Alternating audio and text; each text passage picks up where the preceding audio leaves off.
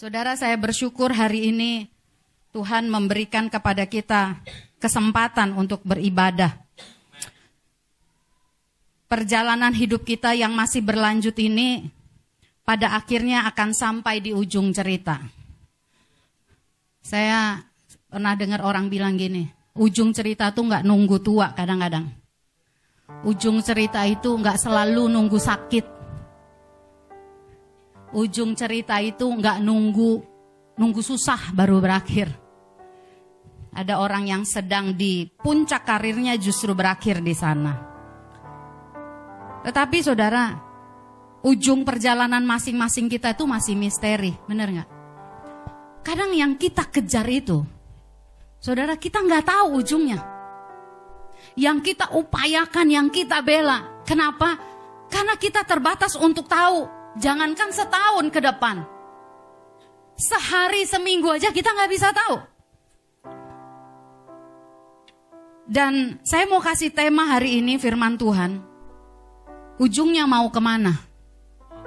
Ujungnya mau ke mana? Seringkali kita lupa dalam pergumulan kita, kita ini sedang meniti jalan, berjalan dan akan sampai di ujung. Kan kita nggak selalu muda terus ya. Betul nggak?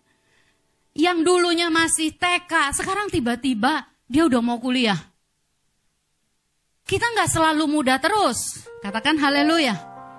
Makanya bayangkan ketika orang saya bicara kepada salah seorang anggota keluarga saya, saya lihat dia tidurnya tengah malam, makan sembarangan. Saya selalu bilang begini, emang kamu pikir kamu muda terus ya?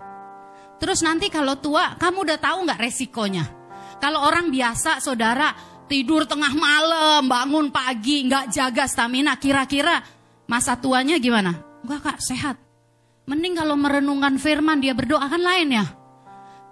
Katakan anak muda, haleluya. Nah saudara, pilihan ini kan selalu banyak ya. Kita nggak selalu kecil, kita nggak selalu susah terus. Katakan amin.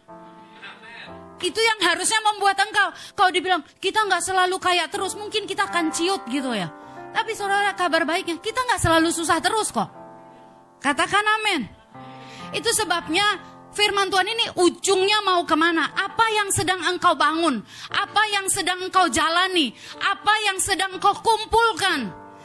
Ada satu permainan, saudara, dulu di televisi, pesertanya akan dikasih keranjang, troli, troli dorong dan mereka dikasih waktu yang sama semua peserta.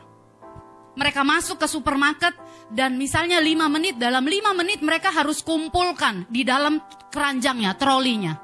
Dan di ujung nanti baru dihitung, saudara. Ada orang yang ketika troli dikasih, dia langsung ambil aja apa ada yang di jalan. Tapi ada saudara yang dia bersedia jalan lebih jauh karena dia tahu di sana lebih bernilai. Orang yang suka makan diambilin coklat, ya kan? Wah coklat enak nih. Oh snack. Tapi ada orang yang dia ngitung, oh elektronik lebih mahal nih. Dia penuhin sampai akhirnya di ujung baru dihitung. Yang kamu dapat poinnya berapa? Saya besuk beberapa orang sakit. Dan saya bilang, perjalanan ini gak usah takut kalau sampai di ujung. Yang paling penting adalah Udah ngumpulin poin belum? Apakah poinmu cuma recehan snack-snack? Ataukah sesuatu yang bernilai kekal? Haleluya. Dalam perjalanan menuju ujung ada cita-cita kan ya. Saya di tempat ini ya bersyukur sekali loh. Untuk anak-anak yang mengalami kendala untuk masuk sekolah negeri. Wah kita udah doain loh. Kita doain anaknya belajar. Nilainya bagus. Saudara waktu pengumuman masuk sekolah di Tangsel saya ikutin juga. Saya cekin namanya, saya cekin sekolahnya. Makanya kebakaran jenggot waktu lihat namanya hilang. Gimana orang tuanya? Saya bilang Tuhan kami kan doain juga nilainya oke. Tapi yang saya bersyukur dan saya bangga adalah ketika saya dengar mereka menolak untuk pakai jalur dapur. Ditawarin bayar sekian. Kadang-kadang ya saudara ya. Ada banyak orang nggak mau jalur dapur, bisa nyogok. mumpung direkam kan. Yang nyogok itu karena nggak sanggup. Jadi dia nyerah. Ada beberapa macam orang, tapi ada yang dia udah nggak sanggup aja nyogok juga. tapi saya bersyukur waktu lihat anak-anak yang berkata, nggak apa-apa, akhirnya ke swasta. Sekalipun dengan mata kepala lihat cara yang curang di sana. Saya selalu bilang, ini kan belum titik perjalanannya. Masih koma kok. CCTV surga tuh nggak pernah off. CCTV surga nggak pernah error. Katakan sama-sama, CCTV surga nggak pernah off, nggak pernah error. Apa pun yang saudara dan saya lakukan, CCTV surga tuh ngeliat. Orang nggak lihat catatan di sorga itu lengkap, katakan amin. Saya bilang nggak apa-apa nak. Saya bilang ke anak-anak ada Grace, ada Mega, semangat ya, tetap semangat ya. Kadang-kadang jalanmu dijegal, itu cuma cara orang untuk menghentikan engkau bersinar. Tapi kalau engkau jalani terus dengan percaya, engkau akan bersinar pada waktunya. Amin. Yang sedih kan kadang-kadang emak bapaknya ya. ya Pak Gultom ya. Gile gue dicurangin harus diem aja gitu. Saudara tahu nggak? Mau demo, jangankan mau demo, saya kepikir mau nulis di Facebook kemarin. Saya mau tulis nih PPDB begini begitu begini, tapi saya pikir Tuhan, aku kok malah hamba Tuhan manasin bapaknya ntar. nah, saudara yang dikasih Tuhan, tetap jaga hati. Katakan tetap jaga hati.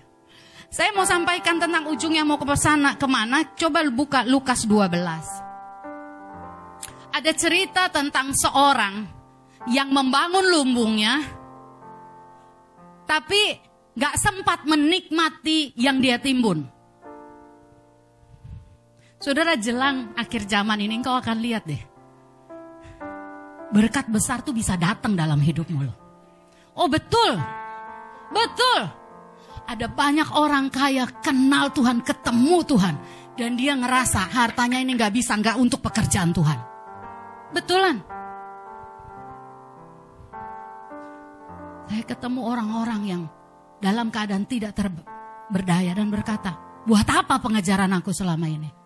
Karirnya bagus, hartanya di mana-mana. Uangmu tuh bisa beli kasur terenak ya kan? Tapi nggak bisa membeli tidur yang nyenyak. Gak bisa. Uangmu tuh bisa beli obat yang paling mahal, vitamin yang paling top.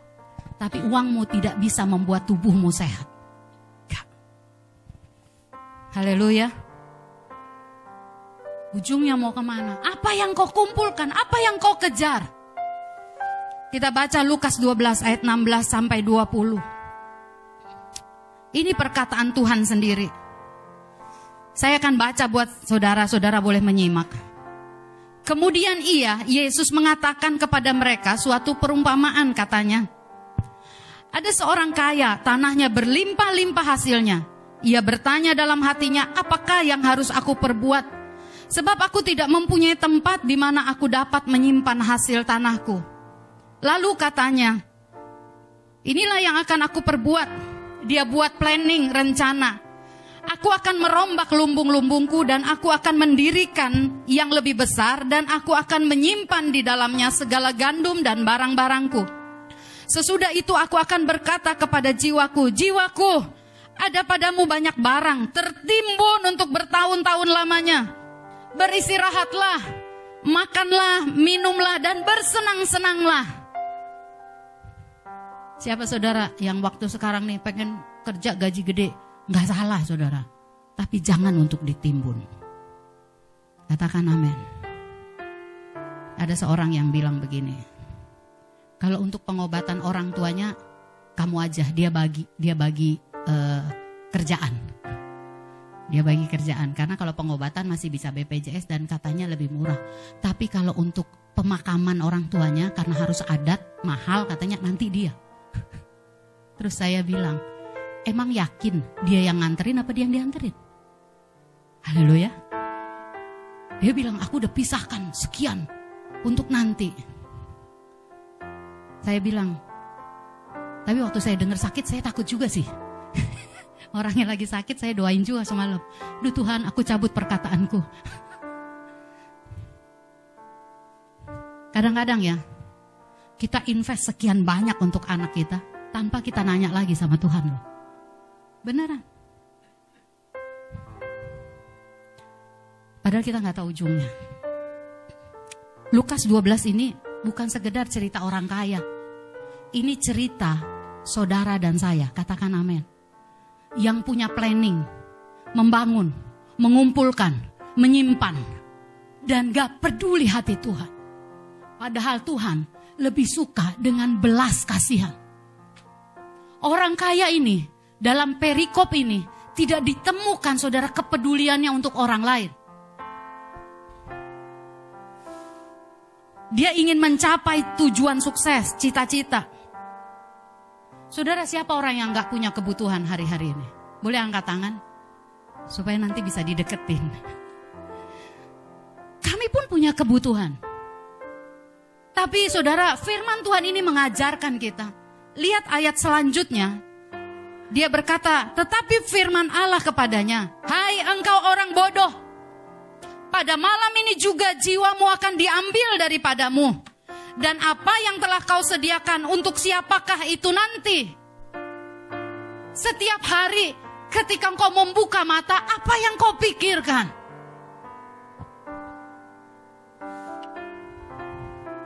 Kami pernah ngobrol, saudara.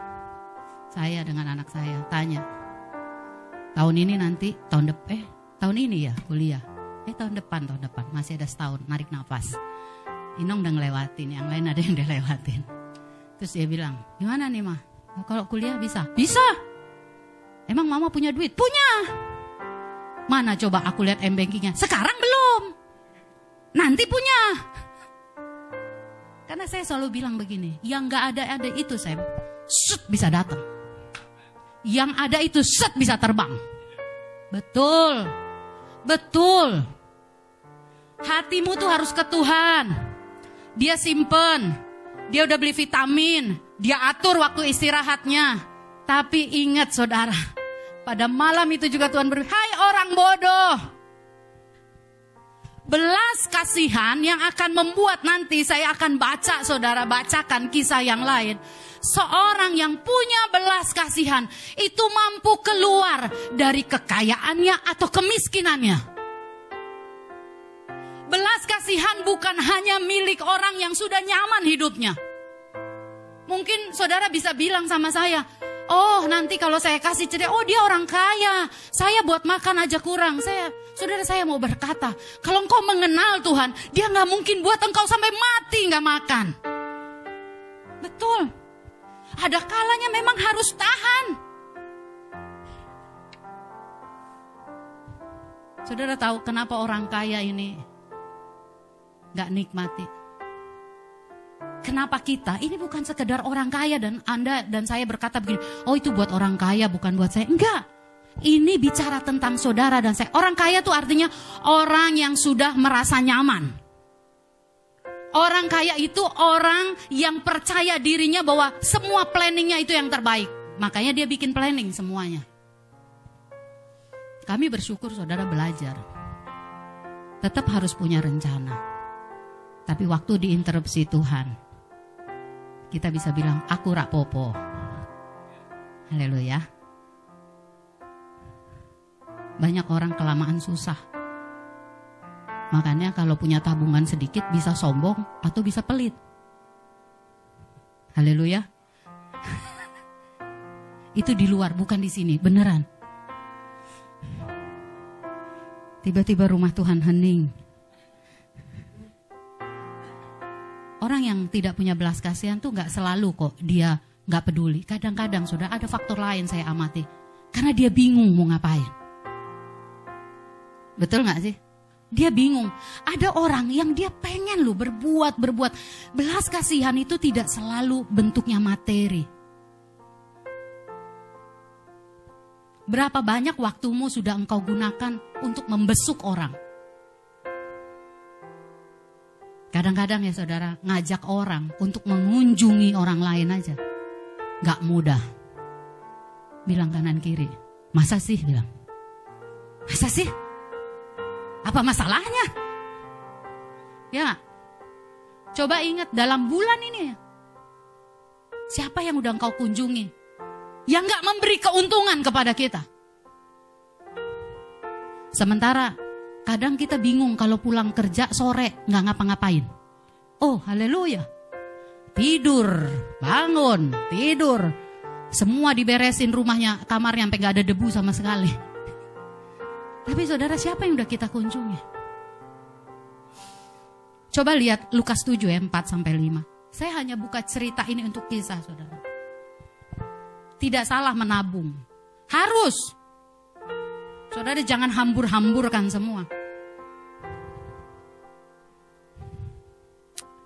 Lukas 7 ayat 4 sampai 5. Ada seorang perwira. Salah seorang boleh baca buat kita. Dia bukan orang Yahudi. Tapi dia menyumbang untuk orang Yahudi pembangunan bait Allah. Saya khotbah ini bukan minta saudara nyumbang untuk gereja, enggak. Tapi saya mau kasih tahu, ada orang-orang yang di kesuksesannya dia enggak tenggelam di sana. Nanti saya kasih contoh orang yang udah terpuruk, terbatas, tidak tenggelam dalam keterbatasannya. Sebulan ini kami banyak saudara. Saya kadang-kadang kemarin kunjungi orang sakit. Saya lihat satu orang bapak. Enggak, saya enggak diminta doain. Saya yang nyodorin diri. Dan makin saya lihat orang sakit, makin saya ngerasa pulang dari rumah sakit saya nanya, masalahku apa ya? Betul. Masalahku apa sih? Enggak dihormati, apaan itu? Saya besuk satu bapak umur 77 tahun. Sehat. Waktu dia memeriksakan, dia sering check up. Waktu dia periksa darah, periksa kesehatan, didapati ada kanker di ususnya. Dan udah merambat ke mana-mana. Dan akhirnya harus, Ricky ada tuh, Ellen tahu gitu, dipasangin stoma ya, di, dipasangin untuk buang air besarnya itu dikasih kantong di luar. Eh, Anda tuh bisa BAB aja udah bersyukur.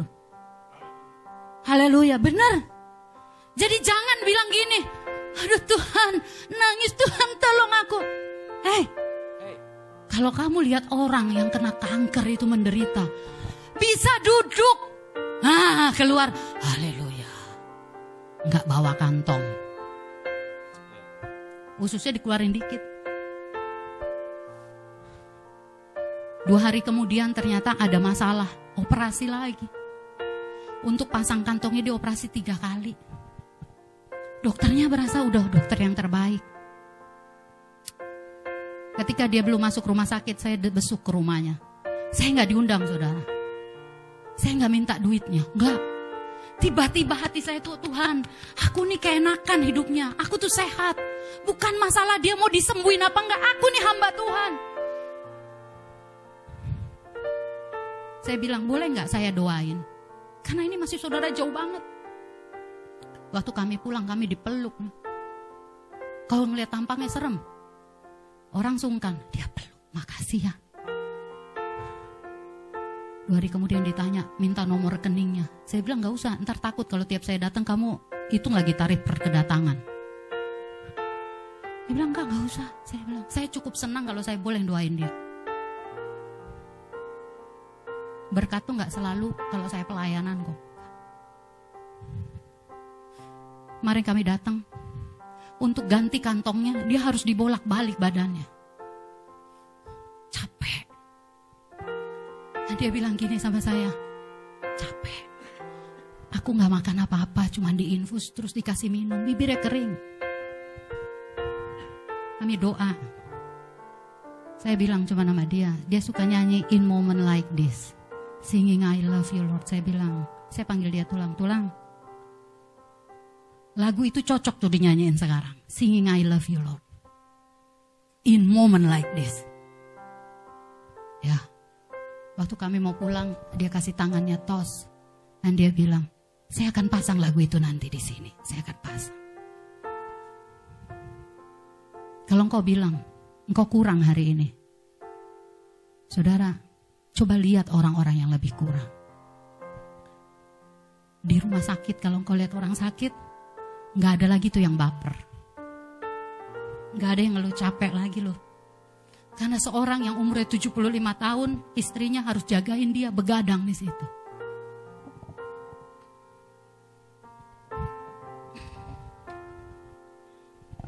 Orang yang nyaman, dia akan selalu pikirin untuk dirinya.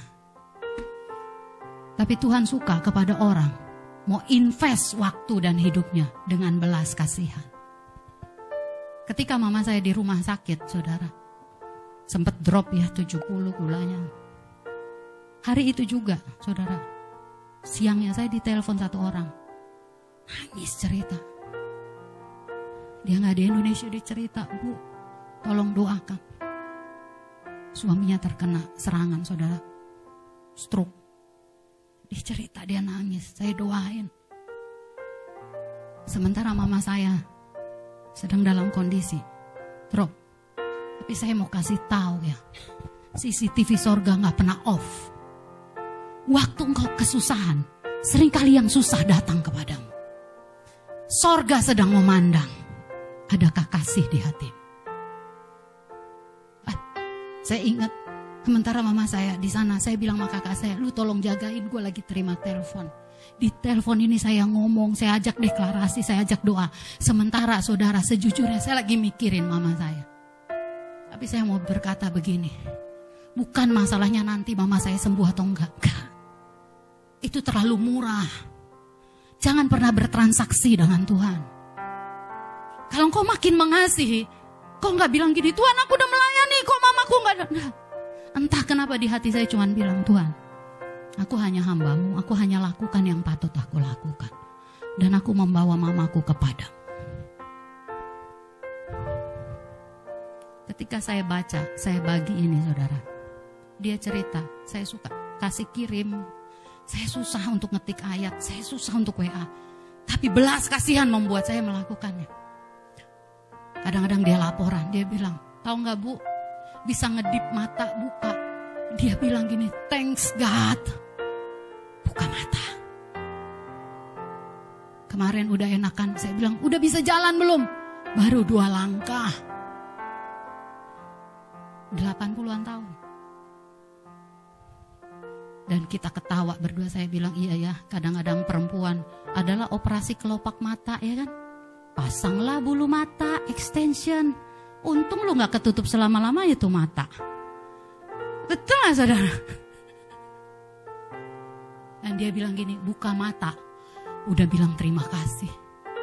Bisa jalan satu langkah. Itu yang membuat saudara, kalau engkau lihat yang seperti itu. Aku tuh kaya loh. Aku tuh diberkati loh oleh Tuhan. Tanganku bisa aku angkat begini loh. Sementara yang lain pengen angkat tangannya kesakitan loh. Lihat Lukas 7 ayat 4 sampai 5. Salah seorang baca buat kita semua. Mereka datang kepada Yesus dan dengan sangat mereka meminta pertolongannya katanya. Ia layak engkau tolong sebab ia mengasihi bangsa kita dan dialah yang menanggung pembangunan rumah ibadat kami. Ini seorang perwira saudara. Itu kan artinya punya posisi dia bukan kopral, perwira. Tapi dia nggak tenggelam dengan kesuksesan. Dia nggak tenggelam dengan apa yang dia miliki. Dia punya ruang di hatinya, belas kasihan, kepedulian. Kenapa saya harus khotbah ini, saudara? Di hati saya Tuhan bicara, bangkitkan kembali belas kasihan. Belas kasihan itu yang membuat saudara perselisihan tidak ada di tengah kita. Belas kasihan itu yang membuat apa yang berat itu jadi ringan dipikul sama-sama. Belas kasihan itu yang akan membuat orang yang lemah akan berkata aku kuat. Belas kasihan yang akan membuat orang yang miskin berkata aku kaya. Lihat ayat tiganya saudara. Perwira ini bukan hanya nyumbang uang untuk pembangunan bait Allah. Perwira ini saudara dia seorang yang peduli dengan hambanya. Saya baca ayat ketiga. Ketika perwira itu mendengar tentang Yesus, ia menyuruh beberapa orang tua-tua Yahudi kepadanya untuk meminta supaya ia datang dan menyembuhkan hambanya. Belas kasihan dan pengenalan akan Tuhan itu sesuatu yang kalau naik ke hadapan Tuhan, itu menggugah hati Allah. Coba lihat lagi Lukas 7 ini ayat 6 sampai 7 salah seorang baca buat kita semuanya. Lalu Yesus pergi bersama-sama dengan mereka ketika ia tidak jauh lagi dari rumah perwira itu. Perwira itu menyuruh sahabat-sahabatnya untuk mengatakan kepadanya, "Tuan, janganlah bersusah-susah, sebab aku tidak layak menerima Tuan di dalam rumahku. Sebab itu aku juga menganggap diriku tidak layak untuk datang kepadamu." Tetapi katakanlah katakan saja sepatah kata maka hambaku itu akan sembuh. Saudara lihat di sini seorang yang dia peduli dengan hambanya.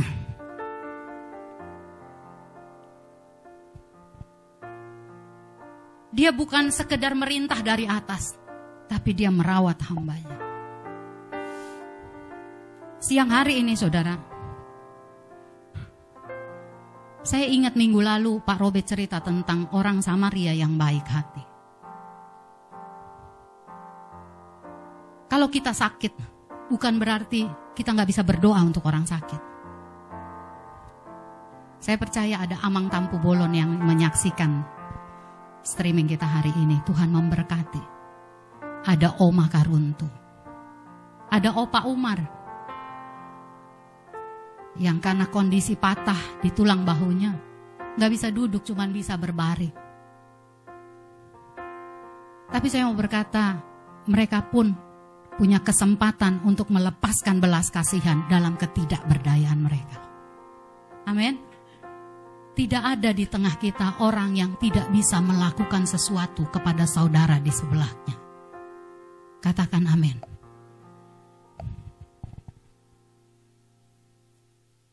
Saudara tadi perwira, yang ini untuk perbandingan. Coba baca kisah di Lukas, saya banyak di Lukas hari, Lukas 4. Ini yang saya bilang, kadang-kadang kita bilang, dia kan orang enak perwira, makan enak, dia nggak mikirin bayar kontrakan, bayar sekolah, ya kan biasanya perwira udah ditanggung itu sama pemerintah, ya kan?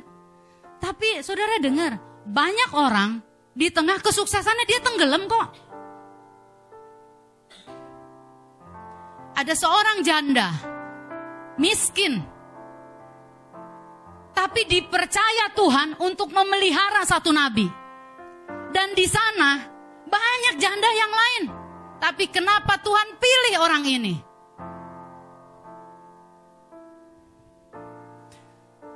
Coba baca sama-sama Lukas 4 ayat 25 sampai 26. Dua ya. Dan aku, aku berkata, berkata kepadamu, dan kataku ini benar. Pada zaman Elia, terdapat banyak perempuan janda di Israel. Ketika langit tertutup selama tiga tahun dan enam bulan, dan ketika bahaya kelaparan yang hebat menimpa seluruh negeri. Tetapi Elia diutus bukan kepada salah seorang dari mereka, melainkan kepada seorang perempuan janda di Sarfat di tanah Sidon. Saudara lihat ini seorang janda ini. Saya ulangi sekali lagi. Pada zaman Elia terdapat banyak perempuan janda di Israel ketika langit tertutup selama tiga tahun enam bulan. Dan ketika bahaya kelaparan hebat menimpa seluruh negeri. Semua lagi susah, katakan semua lagi susah. Tapi kenapa Tuhan datang kepada janda di Sarfat ini? Yang membuat saudara radar sorga itu ke dia bukan posisi, bukan karena dia punya banyak uang tapi karena dia punya yang namanya belas kasihan. Belas kasihan itu menggugah hati Tuhan. Tuhan senang ketika ada aroma belas kasihan umatnya.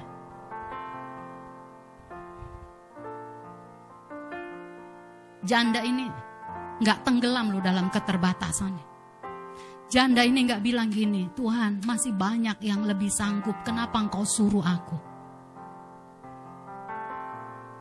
Satu hari ada seorang ibu dia kuliah mengambil S2. dapat tugas dari kampusnya, dari salah satu dosen, profnya, yang bilang tugasnya adalah memberi senyum kepada tiga orang yang tidak dikenal. Ibu ini bilang, wah tugasnya gampang. Suruh cerita bagaimana reaksi orang yang kau beri senyum. Dia pulang ke rumah, esoknya mereka pergi, dia bersama dua anaknya dan suaminya. Mereka pergi makan di McDonald. Pas makan di sana, dia yang antri, dia bilang, biasakan ya ibu-ibu yang melayani. Semua duduk diam, dia antri. Waktu dia antri, saudara, dia kok nyium aromanya agak berbau busuk. Dia lihat dan orang mulai rame. Pas dia lihat ternyata tunawisma, orang gelandangan yang sedang antri mau beli makanan di sana. Dan kemudian dia lihat di belak, tepat di belakangnya seorang bapak yang agak pendek badannya. Dan di belakang bapak ini seorang yang lebih tinggi lagi, agak normal. Waktu dia lihat bapak yang di belakangnya ini matanya liar, tangannya nggak bisa diem Ketika dia perhatikan, oh berarti yang pendek ini yang ngawasin bapak yang tinggi ini. Dia asik mengamati sampai dia lupa tiba gilirannya di kasir. Kasir bilang, ibu mau pesan apa? Sampai tiga kali ditanya. Dia baru sadar dan dia bilang, oh ya udah biarin bapak ini dulu. Karena dia lupa mikir mau beli apa. Bapak ini membeli yang pendek ini. Dia keluarkan duit logam-logaman. Sang ibu ini mulai melihat, berarti dia beli cuman pesan kopi. Kenapa? Dia bilang ini berarti nggak punya uang karena untuk membeli secangkir kopi dia pakai logam. Mereka duduk agak di pojok dan pilih tempat yang agak tersembunyi supaya aromanya tidak mengganggu orang. Sang ibu ini mulai berdiri depan kasir. Tuhan bilang, tolong orang itu. Ibu ini saudara pesen dua pak satu paket besar dan dua personal. Terus dia bilang, yang dua personal yang satu paket besar tolong kirim ke meja di mana suami dan anak-anak saya ada. Yang dua paket personal dia tenteng. Dia bawa kedua orang tunawisma. Waktu dia kasih mereka kaget. Dia bilang, makasih ya. Dia bilang, iya kamu udah nolong saya, perhatiin saya. Ibu ini bilang, bukan saya yang perhatiin kamu. Tuhan yang perhatikan kamu. Dia duduk ketika dia balik ke mejanya. Sang bapak suami dan anaknya memperhatikan dia. Suaminya bilang gini, aku makin tahu kenapa Tuhan kasih kamu jadi istriku. Enggak ditanyain gini, habis lowong belanja kau pakai, enggak. Setelah dia selesai makan, ada pengunjung lain yang datangin dia. Ibu terima kasih karena kau mengajarkan aku tentang bersikap jadi manusia kepada manusia yang lain. Ibu ini terharu dia pikir aku cuma mengerjakan yang terlalu kecil, tapi ternyata berdampak. Gak cukup di situ. Ketika dia mau pulang, saudara, dia alihkan matanya kepada dua orang yang sedang makan ini. Ternyata mereka sedang memandangi ibu ini. Dan dia bilang, thank you ya. Oke, dia pulang. Besoknya tugasnya diberikan kepada dosen. Sang profesor melihat dan sempat membaca tulisannya. Dan sang profesor ini bilang, bolehkah aku ceritakan yang kau tulis ini? diceritakan saudara kembali ceritanya. Waktu cerita itu disampaikan banyak orang menangis. Dan profesor ini menutup paper ibu ini dengan tulisan. Kehangatan kasih Allah selalu akan membuat orang tersenyum. Karena itu tersenyumlah. Belas kasihan itu saudara, kadang bukan dengan uang. Waktu engkau ngantri berobat, Belas kasihan itu yang bisa membuat engkau menemani orang yang sedang berobat lainnya.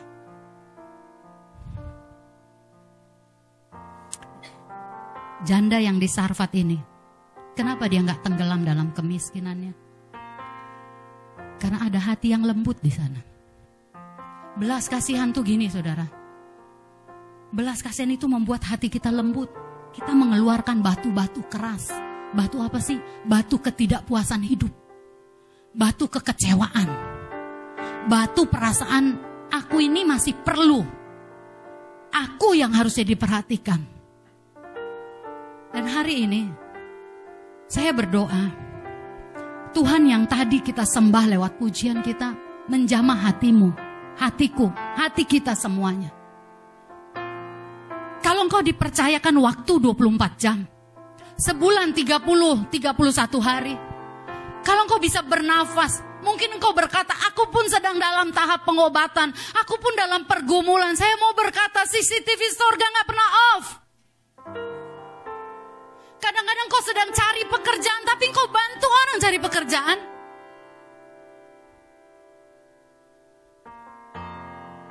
Kami juga masih mengontrak. Kadang harus bayarin orang kontrak. It's okay. Lakukan itu bukan dengan kebanggaan. Engkau tahu betapa terhormatnya aku Tuhan ketika aku punya kesempatan melakukan itu. Haleluya. Seorang Samaria yang baik hati. Saya catat beberapa poinnya ketika Pak Gembala sampaikan. Ada tujuh yang saya catat. Orang Samaria yang baik hati itu. Yang pertama, dia orang yang dibenci oleh orang Yahudi. Tapi ketika dia lihat orang Yahudi dirampok habis-habisan, dia rela menghentikan perjalanannya.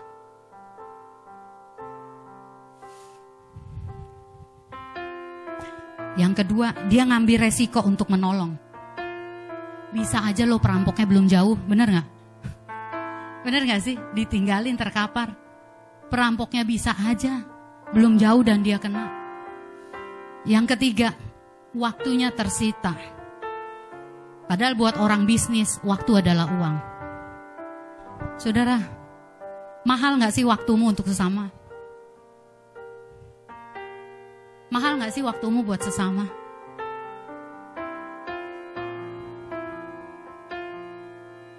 Minyak dan anggurnya dipakai untuk mengobati luka orang yang nggak dikenal. Minyak anggur tuh mahal.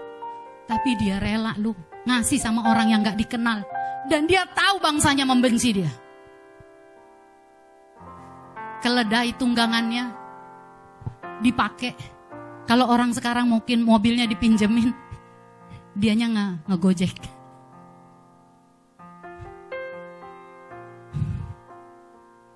Tenaganya dipakai untuk membawa ke penginapan. Uang Hartanya diberi untuk kesembuhan orang itu. Orang yang gak ada challenge akan memberi keuntungan kepadanya. Gak ada. Saya mau berkata dari tempat ini. Coba perhatikan diri kita baik-baik. Bukankah Tuhan sudah memberkati kita? 2 Korintus 8 ayat 9, 2 Korintus 9 ayat 8 berkata begini, Allah sanggup melimpahkan segala kasih karunia kepada kamu, supaya kamu senantiasa berkecukupan dalam segala sesuatu, malah berkelebihan di dalam pelbagai kebajikan. Hari ini, biarlah firman ini menggugah hatimu dan hatiku. Tuhan suka dengan aroma belas kasihan. Ketika engkau bisa puas dengan Tuhan, apa yang kau terima dari Dia? Ketika engkau berkata, Aku bisa karena engkau kau Tuhan. Engkau akan lihat pikulanmu tidak seberat yang kau pikul kemarin. Saya bilang, saya pulang dari rumah sakit. Saya nggak tahu mau ngapain sebenarnya. Saya besuk kadang-kadang. Kami udah, saya pernah mepet. Ada seorang yang dikasih tahu anaknya masuk picu. Karena harus harus transfusi darah, DB-nya, trombositnya turun banget. Eh pagi-pagi saya datang. Malam-malam saya datang. Bu, belum boleh bu. Saya keluarin kartu sakti saya. Saya pendeta. Saya. Mungkin dari penampilan gak cocok. Ya dia pikir ngapain pendeta pakai topi, pakai kaos. Gitu. Saya bilang kasih saya waktu 5-10 menit. Saya cuma mau doa. Saya cuma mau doa. Saya doa. Dan saya mau berkata begini. Apakah Tuhan tidak memberi upah kepada orang yang bekerja? Sepanjang bulan ini saya bilang CCTV surga terbuka. Dia lihat semuanya. Itu yang dibilang gini, lebih daripada apa yang kamu minta. Aku nggak minta, Tuhan kasih. Karena dia lihat. Kalaupun dia nggak minta, aku nggak sedang bertransaksi dengan Tuhanku. Aku sedang melakukan yang patut aku lakukan. Pertanyaannya adalah hari ini, apa yang mahal dari hidupmu? Waktu tenagamu, hartamu, apa yang mahal dari kita? Orang Samaria udah kasih contoh, semua dia kasih untuk orang yang tidak dikenalnya. Saya berkata begini ya saudara, di tengah kebutuhanmu, biarlah belas kasihan tidak berkurang-kurang. Amin. Di tengah pertandingan kita, biarlah belas kasih yang ilahi tidak berkurang dari hidupmu dan hidupku. Biarlah langkah kita dibayangi, dibanjiri dengan belas kasihan. Sampai engkau akan bilang gini, aku masalahnya apa ya?